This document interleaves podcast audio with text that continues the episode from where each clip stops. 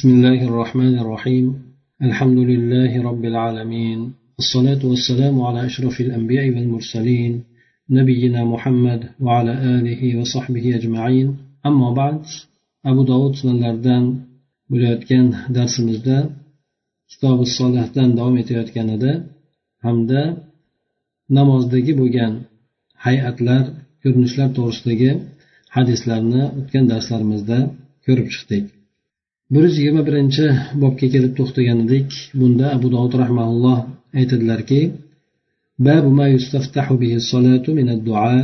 ya'ni namoz u bilan boshlanadigan duo ya'ni bizda sano deb qo'yiladi. Quloq qoqqandan keyin o'qiladigan duolar to'g'risida kelgan hadislar majmuasi ekan. Yetti yuz oltmishinchi bo'lgan hadis bu hadisni abu dovud rahmaulloh ali ibn abi tolib roziyallohu anhudan rivoyat qiladi.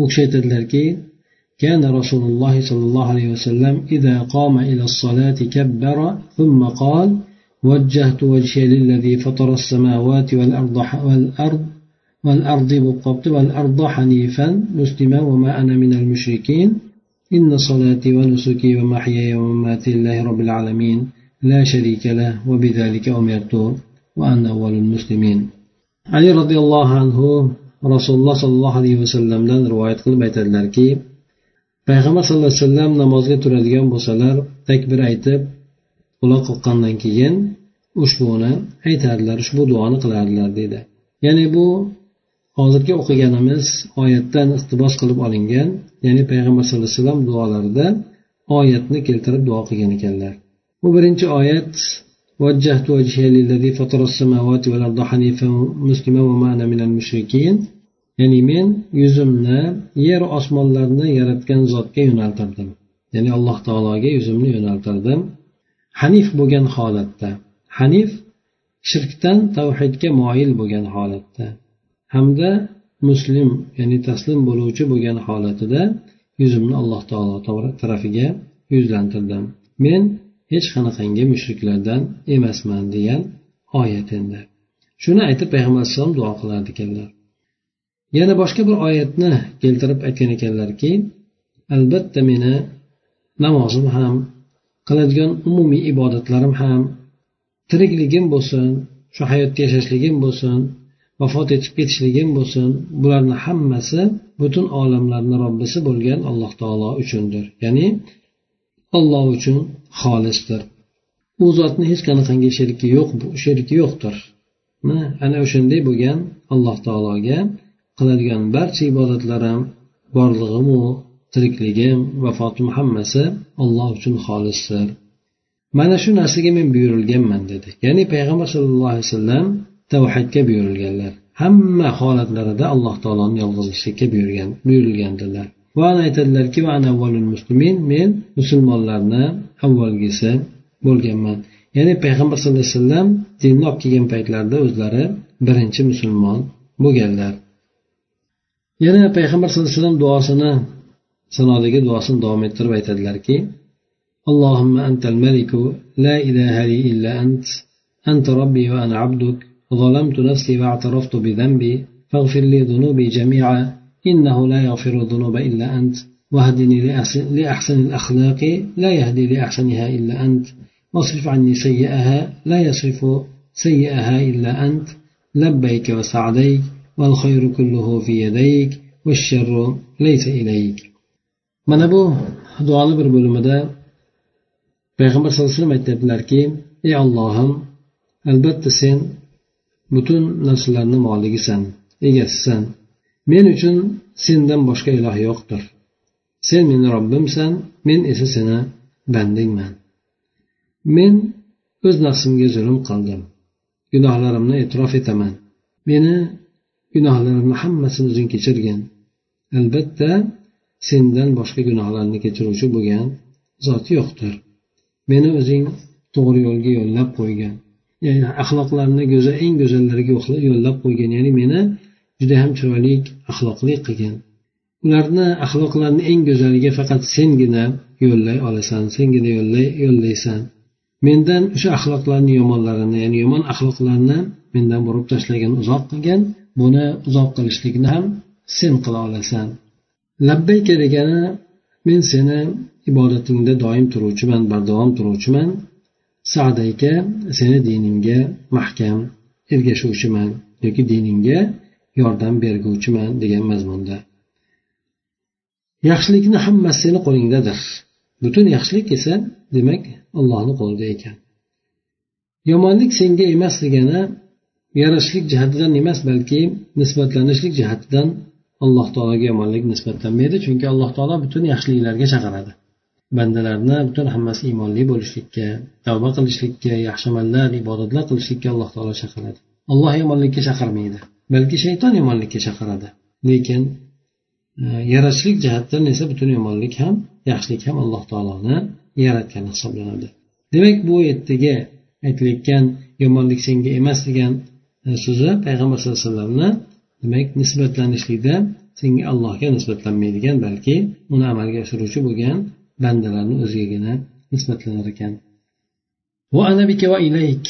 Meni tavfiqim sen bilan va meni iltijoyim esa sengadir tabarokda va taalayt tabarokda degani muqaddas bo'lding seni ishlaring barakotli bo'ldi va sen oliy bo'lgan zotsan astag'firuka va atubu ilayk men sendan istig'for aytib gunohlarimni kechirishligingni so'rayman senga tavbalar qilaman deb shunday deb aytadilar deydi قال اللهم لك ركعت وبك آمنت ولك أسلمت وخشع لك سمعي وبصري ومخي وعظامي وعصبي agar payg'ambar sallallohu alayhi vasallam ruku qiladigan bo'lsalar unda shunday deb aytadilarki allohim sen uchun ruku qildim senga iymon keltirdim senga taslim bo'ldim qulog'im ham ko'zim ham miyam ham butun suyaklarim ham asablarim ham hammasi senga xushu qilgandir senga bo'ysungan xudo qilgandir mana shunday deb aytadilar وإذا رفع قال سمع الله لمن حمد ربنا ولك الحمد ملء السماوات والأرض ملء وملء ما, ما بينهما وملء ما شئت من شيء بعد. وإذا سجد قال اللهم لك سجدت وبك آمنت ولك أسلمت. سجد وجه الذي خلقه وصوره فأحسن صوره وشق سمعه وبصره وتبارك الله أحسن الخالقين. rukudan turadigan bo'lsalar bunda samiallohu liman hamida. Alloh taolo hamd aytadigan kimsalarni eshitadi ularni hamd aytganlarni qabul qiladi deb aytadilar. Robbim senga hamdu sano bo'lsin deb u zot o'zlari ham alloh taologa hamd aytadilar. Bu hamd aytishlikni darajoti yoki kengligi yer osmonlarni kengligichadir yer osmonlarni kengligicha senga hamd bo'lsin dedi.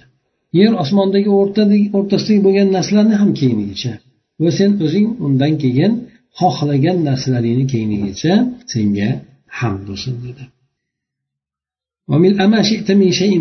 Degani ya'ni sen o'zing xohlagandan narsalarni to'laligicha senga hamd bo'lsin dedi. Badu degani ya'ni o'sha aytilgan narsalardan keyin ya'ni buni ichiga alloh taoloni arshi kiradi ko'rsatish kiradi butun aytaylik boshqa alloh taolo yaratgan narsalar kiradi. Ana o'sha narsalarni adadicha yoki kengligicha senga hamd bo'lsin deb payg'ambar sallallohu alayhi vasallam alloh taologa butun hamdu sanoda yo'lladilar.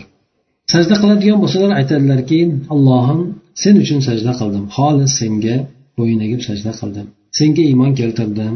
Senga taslim bo'ldim. Meni yuzim yuzimni yaratgan tasvirlab qo'ygan zotga sajda qildi. O'shanga bo'ysundi hamda tasvirlab turib nafaqat shunday tasvirlabgina qolgan balki suratini ham go'zal qilgan.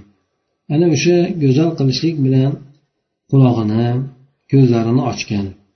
Ana o'shanday bo'lgan alloh taologa yuzim yuzlandi deydi alloh taolo butun yaratuvchilarni ham eng go'zalidir eng puxta qiluvchisidir eng yaxshi qiluvchisidir. Agar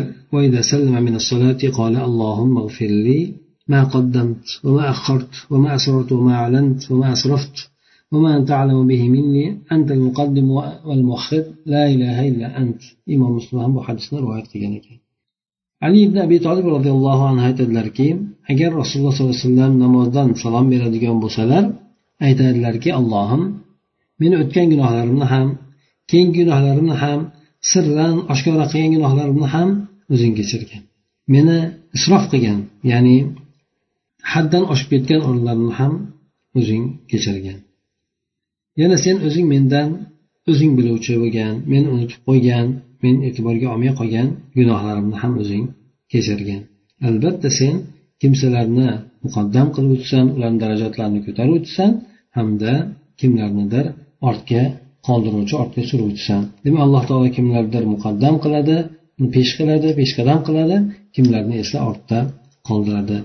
Sendan boshqa iloh yo'qdir deb payg'ambar sallallohu alayhi vasallam demak namoz ichlarida mana shu yuqorida o'tgan duolarni qilar ekanlar ma'lumki payg'ambar sallallohu alayhi vasallamdan istiftoh duolari sakkizta kelgan deb aytishadi. Bulardan uchtasi odatiy namozlarda ya'ni farz namozlarida beshtasi esa e, tahajjud namozlarida payg'ambar alayhisalomdan rivoyat qilingan deydi. Yana quyida bu hadislarga e, ishoralar kelib o'tadi. Yetti yuz oltmish birinchi bo'lgan hadisda bu hadisni ali ibn abi tolib roziyallohu anhudan rivoyat qilinadi u kishi rasululloh alayhi vasallamdan rivoyat qilib aytadilarki annahu kana idza qama ila الصلاة المكتوبة كبر ورفع يديه حذو منكبيه ويصنع مثل ذلك إذا قضى قراءته وإذا أراد أن يركع ويصنعه إذا رفع من الركوع ولا يرفع يديه في شيء من صلاته وهو قاعد وإذا قام من السجدتين رفع يديه كذلك وكبر vadaa ali roziyallohu anhu aytadilarki rasululloh sollallohu alayhi vasallam agar farz namoziga turadigan bo'lsalar takbir aytardilar ya'ni quloq qoqarlar takbirati ehromni qilardilar. Qo'llarini yelka barobarida ko'tarardilar. Ana o'shani qiroatini tugatgan paytda ham o'shani qilardilar ya'ni rukudan oldin. Ruku qilishlikni qiroatini tugatib ruku qilishlikni xohlagan paytda shunday qilardilar. Yana buni rukudan turgan paytda ham shunday qilardilar. Ya'ni rukudan oldin ham qo'llarini ko'tarardilar yelka barobarida rukudan turganlarida ham yelka barobarida qo'llarini ko'tarardilar namozidan o'tirgan holatida biron bir o'rinda qo'llarini ko'tarmasdilar. Ya'ni ikki sajdani o'rtasida qo'llarini payg'ambar alayhissalom ko'tarmagan ekanlar. Bu demak yuqorida e, ba'zida ko'targan deb aytib o'tilgan hadislarni e, ziddini rivoyat qilyapti. Albatta bu hadis ham sahih hisoblanadi. Shunga ko'ra payg'ambar alayhissalomni namozda ichida qo'l ko'tarishliklarini umumiy suratda olimlar ya'ni rojih deb turib to'rt o'rinda ko'targanlar deb aytib o'tgan buni oldingi darslarimizda aytib o'tgan edik. Mana bunda ham o'sha to'rt o'rinda payg'ambar alayhisalom qo'l ko'targan to'rt o'rinda bayon qilib o'tyapti. To'rtinchi o'rinda esa ikki sajdadan keyin ya'ni ikki rakatdan keyin turadigan bo'lsalar qo'llarini ko'taradilarda takbir aytardilar ya'ni qo'llarini shunday ko'tarib o'sha yelka barobarda ko'tarib allohu akbar deb qo'yardilar va duo qilardilar deydi ya'ni duo qilishligi bu u birinchi yuqoridagi bo'lgan iboraga ketadi. Ya'ni farz namoziga turadigan bo'lsalar takbir aytib qo'llarini yelka barobarida ko'tarardilar dedida keyin bu hadisda qaysi o'rinlarda yana namozda qo'llarini ko'tarishliklarini bayon qilib o'tdida ana undan keyin yana oxiriga kelib turib o'sha boshida takbirati ehromdan keyin qo'l ko'tarib allohu akbar deb yelka barobarda ko'targandan keyin duo qilardilar deb keladi. Bu o'sha yuqorida o'tgan e, duoga o'xshagan duo qilardilar. E, yuqoridagi rivoyatda kelgani bo'yicha ba'zi narsalarni ziyoda qilib ba'zilarini kamaytirgan ya'ni biroz farqli bo'lgan holatda yuqoridagi duoni aytardilar deydi bu demak o'sha yuqoridagi hadisni boshqa bir rivoyat yo'li ekan. Demak o'sha boshqa bir rivoyatda biroz ziyodalik hamda ba'zi o'rinlarda nuqsonlik ya'ni so'zlarni kamaytirilishligi bo'lgan ekan. Bu eh, yuqoridagi biz o'tayotgan rivoyatda degan iborani eh, payg'ambar sallallohu alayhi vasallam aytmagan ekanlar. Lekin bunda ziyoda qilgan ekanlarki namozdan burilib ketayotgan paytlarida اللهم اغفر لي ما قدمت وما أخرت وما أسررت وما أعلنت أنت إلهي لا إله إلا أنت deb demak yuqoridagi aytilgan hadis matnini biroz farqli o'laroq bunda rivoyat qilingan ekan yetti yuz oltmish ikkinchi bo'lgan hadis bu hadisda sahih ekan lekin maqtu ekan ya'ni o'rtada uzilgan ya'ni payg'ambar alayhissalomga e, bu ko'tarib chiqilmagan ekan buni abu dovud rahmaulloh e, bir qancha olimlardan ya'ni madinani madina ahlini fuqaho olimlaridan rivoyat qilgan ekanki ya'ni bular aytishgan ekanki agar o'sha narsani aytadigan bo'lsang yuqorida duoda aytadigan bo'lsang va ana minal muslimin deb aytgan ana avval musliminni o'rniga degan ekan. Ya'ni yuqoridagi payg'ambar alayhi vasallamdan kelgan duoda va ana avvalul muslimin deb u kishi aytganlar ya'ni men musulmonlarni eng birinchisiman ya'ni alloh taolo u kishini yuborgan paytda hech qanaqangi musulmon bo'lmagan edi. Shuning uchun bu kishi bu o'rinda men birinchi musulmonman degan aytgan paytlarida demak u hamma kofir bo'lgan men musulmon bo'lgandim degan so'zni ibora e'tibor qilib aytganlar deb boshqa odam aytadigan bo'lsa unday deb aytmasin balki ana minal muslimin men musulmonlardanman deb aytsin deb bular aytishgan ekan. Lekin pastda alboy rahmaulloh e'tiroz bildirib aytgan ekan ya'ni muslimin degani buni faqat inson bunday tushunishligi mumkin ya'ni qolganlar kofir faqat men musulmonlarni birinchisiman degan mazmunda balki bu yerda ya'ni tashjey ma'nosida ya'ni musulmonlar taslim bo'luvchilarni men birinchilardan bo'laman degan ma'nosi ham bo'ladi. Ya'ni allohga taslim bo'luvchilar ya'ni musulmonlar ichida yana ham o'sha muqaddam bo'laman peshqadam bo'laman degan ma'no ham bu oyatni ostida yotadi. Shuning uchun bu yerda ana minal muslimin deb hadisda kelgan matnni o'zgartirilishligiga albani rahmaulloh rozi bo'lmagan ekanlar balki o'shanday kelgan bo'yicha ana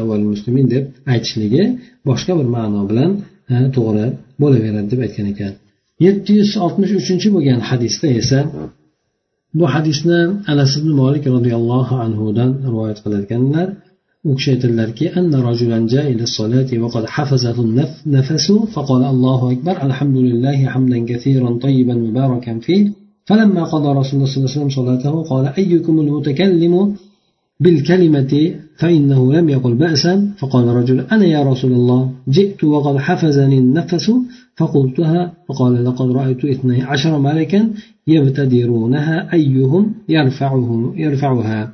وزاد حميد فيه وإذا جاء أحدكم فليمشي نحو ما كان يمشي فليصلي ما أدركه وليقضي ما سبقه buni imom muslim pastdagi ziyodasiz yuqoridagi qismini rivoyat qilgan ekan. Anas ibn molik roziyallohu anhu aytadilarki bir odam rasululloh sollallohu alayhi vasallamni huzurlariga keldilar. Ya'ni namozga keldilar. O'sha kishi imom bo'lib o'qiyotgan paytlarida namozga keldilar. Nafasi u kishini qiynab qo'ygan edi. Ya'ni nafas qiynab qo'yishligi odam qonsirab haligi chuqur chuqur e, nima qilib nafas olishiga ya'ni charchab kelgan yoki yugurib juda terlab charchab ketgan odam qanday nafas oladi? O'shanday holatda nafas olayotgan edi.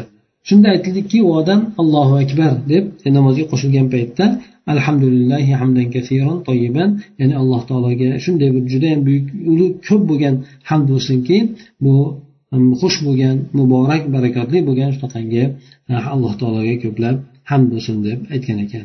Rasululloh sollallohu alayhi vasallam namozini tugatgan paytlarida aytdilarki sizlarni e, qaysi birlaringiz o'yindilarli gaplarni gapiruvchi bo'ldi? Chunki u zarari yo'q bo'lgan narsani gapirdi deb aytgan ekan. Yoki ya'ni bu yerda odam ya'ni o'zini orqa tormasin boshqalardan hijolat bo'lmasin qanaqa bir xato qilib qo'ydim katta ish qilib qo'ydimikin deb balki bu odamni aytgan narsasini zarari yo'q deb payg'ambar alayhisalom aytdilar. Bir odam shunda ey rasululloh men aytgan edim. Men namozga keluvdim nafasim nafas esa meni qiynab yuborgan edi. Ya'ni judayam qonsirab ketgan edi. Tezroq yugurib kelganligini ifoda qiladida bu narsa. Shunda men shu so'zlarni aytgan edim dedi. Payg'ambar sallallohu alayhi vasallam shunda aytdilarki men o'n ikki farishtani o'sha so'zlarga shoshilayotganligini ko'rdim. Qaysi biri ollohni huzuriga ko'tarar ekan mana shu narsaga ular shoshayotganligini ko'rdim. Ya'ni ular o'shani yozib u kishi aytgan narsani ollohni huzuriga ko'tarishlikka harakat qilganliklarini bayon qiladi. Bu yerda roviylardan birisi humayd nima e, ziyoda qilib aytadiki agar sizlarni birlaringiz namozga keladigan bo'lsa yurib kelayotganda sekin yurib kelsin ya'ni yugurmasin. Oddiy yugurib yurib kelayotganidaqa yurib kelsin yugurmasin dedi. Qanchaga yetadigan bo'lsa o'shani o'qib olsin undan oldin o'tib ketib qazo qilib qo'yadigan bo'lsa uni esa ado etib qo'ysin to'latib qo'ysin deb bu hadisda aytib o'tadi. Bu hadisda demak e, bir odam o'zicha kelib e, shu duoni qilishligi hamda o'sha qilgan duo payg'ambar alayhisalomga ham yoqib u kishi keyin bu e, xabarni berganligi bo'ldi. Olimlar aytishadiki demak bu payg'ambar alayhisalom davrlarida bo'lganda shuning uchun inson namozdagi bo'lgan aytilishligi kelgan virdlarni zikrlarni aynan o'zini aytish bilan kifoyalanishligi endi duo qiladigan o'rinlarda esa u kengchilik qanday duo qiladigan bo'lsa insonga bo'laverishligini aytib o'tishgan. Yetti yuz oltmish to'rtinchi bo'lgan hadis bu hadisga alboniy rahimaulloh zaif deb ishora qilgan ekan buni jubayr ibn mutimdan rivoyat qiladi u kishi aytdilarki رأى رسول أنه رأى رسول الله صلى الله عليه وسلم يصلي صلاة. قال عمر لا أدري أي صلاة هي. فقال الله أكبر كبيرا الله أكبر كبيرا الله أكبر كبيرا. والحمد لله كثيرا والحمد لله كثيرا والحمد لله كثيرا. وسبحان الله بكرة وأصيلا إيش ما تشنو أعوذ بالله من الشيطان الرجيم أعوذ بالله من الشيطان من نفخه ونفثه وهمزه deb aytgan ekan bunda roviylar aytadiki nafsuhu degani she'r degani ya'ni she'r aytishlik nimaga she'r aytishlik deganda demak chunki shoirlar ortiq darajada maqtov beraveradi hamda yo'q bo'lgan narsalarni hayolan bor qilib aytadi Ana o'sha jihatidan bularni e, shaytonga tenglashtirilgan ekan. Chunki ular shu odamlarni aldashlikda ishlatiladigan bo'lganligi uchun yoki odamlarni buzib qo'yadigan bo'lganligi uchun ko'p she'r bor odamni buzib qo'yadi yana ko'p she'r bor odamga foyda ham qiladi. Bu yerda o'sha buzib qo'yishligini iroda qilingan holati ekan. Allohu akbar kabira degan alloh taolo buyuk judayam buyuk degani alhamdulillah kasiro degani alloh taologa ko'p hamd bo'lsin degani subhanallohi ertayu kech alloh taoloni poklayman degani. Bu sana o'rnida o'qilgan duo ekan lekin bu aytib o'tganimizdek doif ekan bu rivoyat. Shunda shaytonir rojimda aytgan aytishlikda alloh shaytondan panoh tilayman alloh taolodan e, shaytondan panoh tilayman. Uni puvdashligidan e, nafsa urishligidan hamza hamzidan ya'ni hamz deb turib bu yerda muta deb aytib o'tiladi bu muta bir e, jinnilik degan ma'noda aqlsizlik degan ma'noni aytiladi. Bu yerda nafhuhu deganda kibri deb aytilgan chunki e, shayton demak xuddi shunday bir tasvirlanadiki bu yerda e, shayton demak kibrlanuvchi bo'ladi. Ana shuni kibrlanganligidan odam alayhissalomga ham sajda qilmagan o'shani kibridan panoh so'rayman deb aytadi. Hamza deb demak o'sha aqlsiz bo'lganligi bir tentak yoki jinnilik sifatlari bo'lganligidan panoh so'rayman deb aytgan ekan. Demak bu hadis zaif bo'lganligi uchun bundan hukm olinmaydi. Yetti yuz oltmish beshinchi bo'lgan hadis bu ham doif deb aytilgan ekan. Bu ayni hadisni boshqa bir rivoyat orqali kelganligi bunda jubayr ibn mutim aytadilarki ya'ni buni payg'ambar sallallohu alayhi vasallam tatavvu namozida o'qiganligini ya'ni yuqorida qaysi namoz ekanligini bilmayman degani roviylardan kelgan edi mana bu quyidagi bo'lgan hadisda esa payg'ambar sallallohu alayhi vasallam nafl namozida shuni aytganligini keltirib o'tadi lekin buni ham doif deb aytilgan ekan. Yetti yuz oltmish oltinchi bo'lgan hadisda esa oysha onamizdan rivoyat qilinyapti. U kishidan osim humayd degan tobiy kelib so'rayaptiki بأي شيء كان يفتتح رسول الله صلى الله عليه وسلم قيام الليل فقالت لقد سألتني عن شيء ما سألني عنه أحد قبلك. كان إذا قام كبر عشرا وحمد الله عشرا وسبح عشرا وهلل عشرا واستغفر عشرا قال وقال اللهم اغفر لي واهدني وارزقني وعافني ويتعوض من ضيق المقام يوم القيامة. osim nuhmayt aytadiki men oysha onamizdan so'radim ya'ni rasululloh sollallohu alayhi vasallam qiyomillayni qaysi narsa bilan boshlardilar ya'ni qaysi duo bilan boshlardilar shunda oysha onamiz aytdilarki siz mendan shunday bir narsa haqida so'radingizki sizdan oldin birontasi u haqida so'ramagan edi. Payg'ambar sallallohu alayhi vasallam namozga turadigan bo'lsalar o'nta takbir aytadilar o'nta ham o'n marta hamd aytadilar o'n taslih aytadilar o'n tahlil aytadilar la ilaha illalloh deb hamda o'n marta istig'for aytadilar. Va undan keyin aytadilarki allohim meni gunohimni kechirgin meni o'zing hidoyatga yo'llab qo'ygin menga o'zing rizq bergin va menga ofiyat bergin deb turib aytadilar deydi hamda ana shundan keyin qiyomat kunidagi bo'ladigan maqom ya'ni turiladigan o'rinda tor bo'lib ketishligidan panoh so'rar ekan. Mana bu hadis payg'ambar sallallohu alayhi vasallamni kechasidagi namozda qanday duo qilganligini bildirib o'tyapti.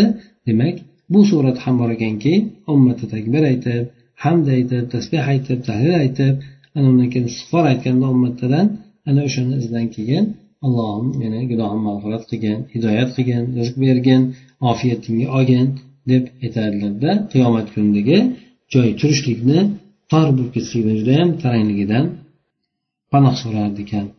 Yetti yuz oltmish yettinchi bo'lgan hadisda esa aynan mana shu oysha onamizdan rivoyat qilinyapti lekin rivoyat boshqa tomondan abu salama ibn abdurahmon avf ya'ni abdurahmon avfni farzandlari abu salamadan abu salama oysha onamizdan rivoyat qilib aytyaptilarki سألت عائشة بأي شيء كان النبي صلى الله عليه وسلم يفتتح صلاته إذا قام من الليل قالت كان إذا قام من الليل كان يفتتح صلاته اللهم رب جبريل وميكال ميكائيل وإسرافيل فاطر السماوات والأرض عالم الغيب والشهادة أنت تحكم بين عبادك فيما كانوا فيه يختلفون اهد لما اختلف فيه من الحق بإذنك إنك تهدي إنك أنت تهدي من تشاء إلى صراط مستقيم وحديث إمام مسلم هم رواية قيل كان oysha onamizdan so'radim deb u kishi aytadilar payg'ambar sallallohu alayhi vasallam namozlarini kechada turadigan bo'lsalar qoyim turadigan bo'lsalar kechasida tahajjud o'qimoqchi bo'ladigan bo'lsalar qaysi duo bilan qaysi wird bilan payg'ambar alayhissalom zikr bilan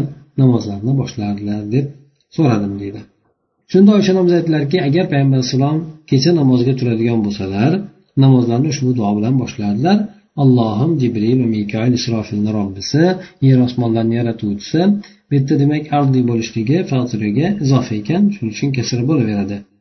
G'oyibni shahodatni biluvchi bo'lgan e, zot sensan albatta sen bandalaringni o'rtasida ular ixtilof qilgan narsalarda ixtilof qilasan. Hakam qilasan o'sha ularni ixtilofli qilgan narsalarida hakamlik qilasan o'zing meni ular ixtilof qilgan haqqa o'zing izning bilan yo'llab qo'ygin albatta sen o'zing xohlagan kimsani to'g'ri yo'lingga yo'llab qo'yasan deb aytgan ekan. Demak bu duo ham inson o'sha kechasida qiyomlarga turgan paytda qilishligi mumkin bo'lgan duo sanalar ekan. Yetti yuz to'qson oltinchi E, yetti yuz oltmish sakkizinchi bo'lgan hadisda esa mana shu hadisni boshqa bir e, rivoyat yo'li bilan rivoyat qilingan ekan. Bunda ham o'sha aynan kecha namoziga turgan paytda takbir aytib keyin o'sha duoni aytgandek keladi. Yetti yuz oltmish to'qqizinchi bo'lgan hadisda e, rivoyatda keladiki bu sahih maqtu ekan ya'ni roviylarni birisiga borib to'xtagan ekan. Payg'ambar sallallohu alayhi vasallamga yetib bormagan ekan bu hadis. Bu rivoyat shunda imom molik aytadilarki لا بأس بالدعاء في الصلاة في أوله وأوسطه وفي آخره وفي الفريضة في الفريضة وغيرها namozda duo qilishlikni zarari yo'q avvalda bo'ladimi oxirida bo'ladimi yana o'rtasida bo'ladimi farzda bo'ladimi yoki boshqa namozlarmi farqi yo'q demak duo qilsa bo'laveradi deb aytilar ekan demak bu duo qilishligi sajda o'rni ham kiradi bunga sajdada duo qilishlikka buyurilgan lekin ba'zi olimlar aytadiki farz namozda bundan sal tiyilib turgani yaxshi nafl desa kengchilik unda inson xohlagancha duo qilishligi bo'laveradi deb aytishadi. Yetti yuz yetmishinchi bo'lgan hadis esa bu hadisni e, rifoa ibn rofil zuraqiy degan odam rivoyat qiladiki bu kishi sahobalardan ekan.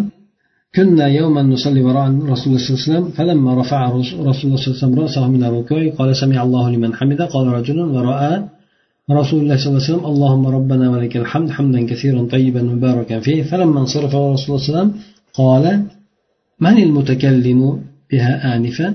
فقال الرجل أنا يا رسول الله. فقال رسول الله صلى الله عليه وسلم لقد رأيت بضعة وثلاثين ملكا يبتدرونها أيهم يكتبها؟ أول.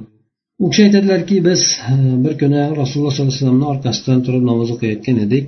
Rasululloh alayhi vasallam boshlarini rukudan ko'targan paytda aytdilarki alloh taolo hamd aytgan kimsalarni eshitadi deb e, ijobat qiladi deb aytdilar. Ya'ni deb aytdilar. Shunda bir odam payg'ambar alayhisalomni orqasidan aytdiki allohim senga hamd bo'lsin e, juda ko'plab hamd bo'lsin xush bo'lgan bar barakatli bo'lgan hamd bo'lsin deb shunday deb aytgan ekan. Shunda rasululloh alayhivasallam namozdan burilgan paytda namozni tugatgan paytda so'ragan ekanki endi haligi gaplarni kim gapirdi? Shunda bir odam aytdiki rasululloh men aytgan edim dedi. Rasululloh alayhivasallam shunda aytdilarki men e, bir qancha ya'ni sakson e, o'ttiztadan ko'ra ko'proq bo'lgan bir farishtani ko'rdimki ular shoshilishar edi o'sha so'zlarga qaysi biri? Birinchi bo'lib yozib shu alloh taoloni huzuriga ko'tarar ekan mana shu narsaga shoshilishardi deb aytadi. Ya'ni inson qiladigan zikr bu yerda farishtalarni ham ajablantirib ular ham alloh taoloni huzuriga ko'tarishlikka harakat qilib qo'yganligi bu o'rinda rivoyat qilinyapti. Ibn abbos roziyallohu anhudan qilingan rivoyatda esa bu yetti yuz yetmish birinchi hadis ekan rasululloh sollallohu alayhi vasallam kecha namoziga turadigan bo'lsalar aytadilarki allohim senga hamd bo'lsin. Sen yeru osmonlarni nurisan. Senga hamd bo'lsin sen yeru osmonlarni boshqarib turuvchisan senga hamd bo'lsin sen butun yeru osmonlarni uni ichida bo'lgan narsalarni hammasini robbi parvardigorisan. Albatta sen haq bo'lgan zotsan. So'zlaring ham haq va'dang ham haq senga yo'liqishlik ham haq jannatu do'zax ham haqiqatdir qiyomati bo'lishligi ham haqiqatdir.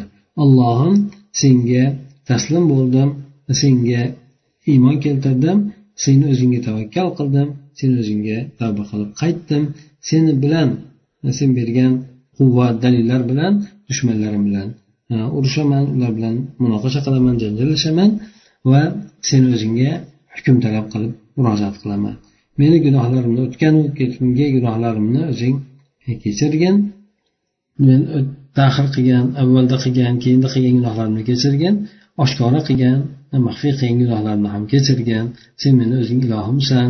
Albatta sendan boshqa meni ilohim yo'q deb aytgan ekan. Demak mana bu duo ham o'sha kechasida turib o'qiladigan bo'lsa inson bu duo kechasi namoziga sunnat namozi ham kelib ketaveradi vitr namozi ham undan keyin o'sha vitrdan oldin o'qiladigan namozlar ham kiraveradi yetti yuz yetmish ikkinchi bo'lgan hadisda esa bu hadisni mana shu yuqoridagi bo'lgan rivoyatda boshqa yo'ldan kelgan ekan.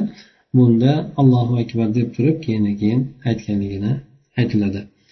Yetti yuz yetmish uchinchi bo'lgan hadisda esa ya'ni bu hadisni ham rifo ibn rofiadan rivoyat qilinadi. U kishi aytadilarki men rasululloh alayhivasallamni orqalaridan turib namoz o'qidim.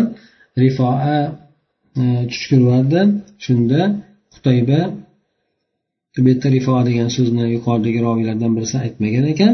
Shunda men o'zim aytdimki allohga hamd bo'lsin hamdan kasiran tayyiban fi alloh taologa ko'p barakotli bo'lgan hamd bo'lsin. Alloh taolo o'zi muborak bo'lgan zotdir. Mana shunday deb aytgan ekan. Alloh taologa demak hamd bo'lsin o'zi yaxshi ko'rganicha rozi ko'rganicha narsalarni alloh taologa hamd bo'lsin deb aytgan ekan. Shunda rasululloh alayhi namozdan burilgan paytlarida aytdilarki indiradi ana shu namozni gapirgan odam kim edi deb so'radilar deydi demak yuqoridagi bo'lgan hadisni boshqa bir rivoyat orqali kelganligi. Yetti yuz yetmish to'rtinchi bo'lgan hadisda bu hadis ham omir ibn robiyadan rivoyat qilinadi. Bu kishi aytadilarki bir odam namozda turib payg'ambar alayhisalomni orqalarida ya'ni u kishiga ergashgan holatlarida turgan paytlarida aks urib aytdilarki alloh taologa hamd bo'lsin ko'p barakatli bo'lgan hamd bo'lsin. Hatto robbimiz rozi bo'ladigan darajada rozi bo'lgandan keyin ham Hm, o'sha o'zi rozi bo'lgan dunyoyu oxiratlarni ishidan keyin ham o'shalarni miqdoricha alloh taologa hamd bo'lsin deb aytgan ekan. Shunda rasululloh namozdan burilgandan keyin salom bergandan keyin aytdilarki hozir gaplarni kim gapirdi? deb. Shunda bir haligi yigit aytib qo'ygan yigit sukut saqladi indamadida keyin aytdiki yana payg'ambar alayhissalom ya'ni kim bu gapni aytdi? U aytgan odam aytgan gapni zarari yo'q deb aytgandan keyin haligi odam o'zida demak e, xotirjamlikni his qilib turib ey rasululloh men aytgan edim o'sha narsalarni. Men bu bilan faqatgina yaxshiliklarni iroda qilgan edim deb aytadi. Rasululloh aytdilarki o'shandan keyin arshni rahmonda alloh taoloni arshini ostida u to'silib qolmadi balki alloh taoloni huzurigacha yetib bordi bu aytgan gaplaring deb payg'ambar alayhissalom unga aytgan ekan. Demak yuqoridagi bo'lgan hadislarni oladigan bo'lsak istiftoh bizda faqatgina subhanakallohimma o'sha Э, gagina chegaralanib qolingan. Э, inson ba'zan ba'zan oralatib turadigan bo'lsa ham yaxshiroq bo'ladi. Э, bu yerda o'sha robbana lakal hamd alhamdulillah hamdan kasirun tayyiban barakan fi deb aytishlik yuqorida e, bir nafasi yo'qolib ketib turib aytganligi mana bunda esa aks turib aytganligi kelyapti. Demak u e, bu aytilgan pastdagi aytilgani doif ekan yuqoridagi o'sha aytilgani sahih bo'lgan edi. Undan tashqari bir odam e, ba'zan ziyoda qilishligi mumkinmi deb aytiladigan bo'lsa namoz o'qiyotgan paytda zikrlardan boshqalardan endi mumkin emas chunki payg'ambar alayhisalom davrlarida bu narsa mumkin bo'lgan. Mana payg'ambar alayhissalom e, aytganlarida mana javob ham qildi. Lekin keyin bu narsalar e, o'sha bilan to'xtadi. Demak inson payg'ambar alayhissalomni o'zidan kelgan zikrlar o'sha duolarni o'zi bilan chegaralanishligi bu narsa yaxshiroq ekan lekin inson duo qiladigan bo'lsa bundan kengish kengchilik bunda lekin zikrlarni keltirishlikda albatta hadisni o'ziga rivoyat qilishligi rioya qilishligi yaxshiroq bo'lar ekan سبحانك اللهم وبحمدك نشهد أن لا إله إلا أنت نستغفرك ونتوب إليك اللهم انفعنا بما علمتنا وعلمنا ما ينفعنا وزدنا علما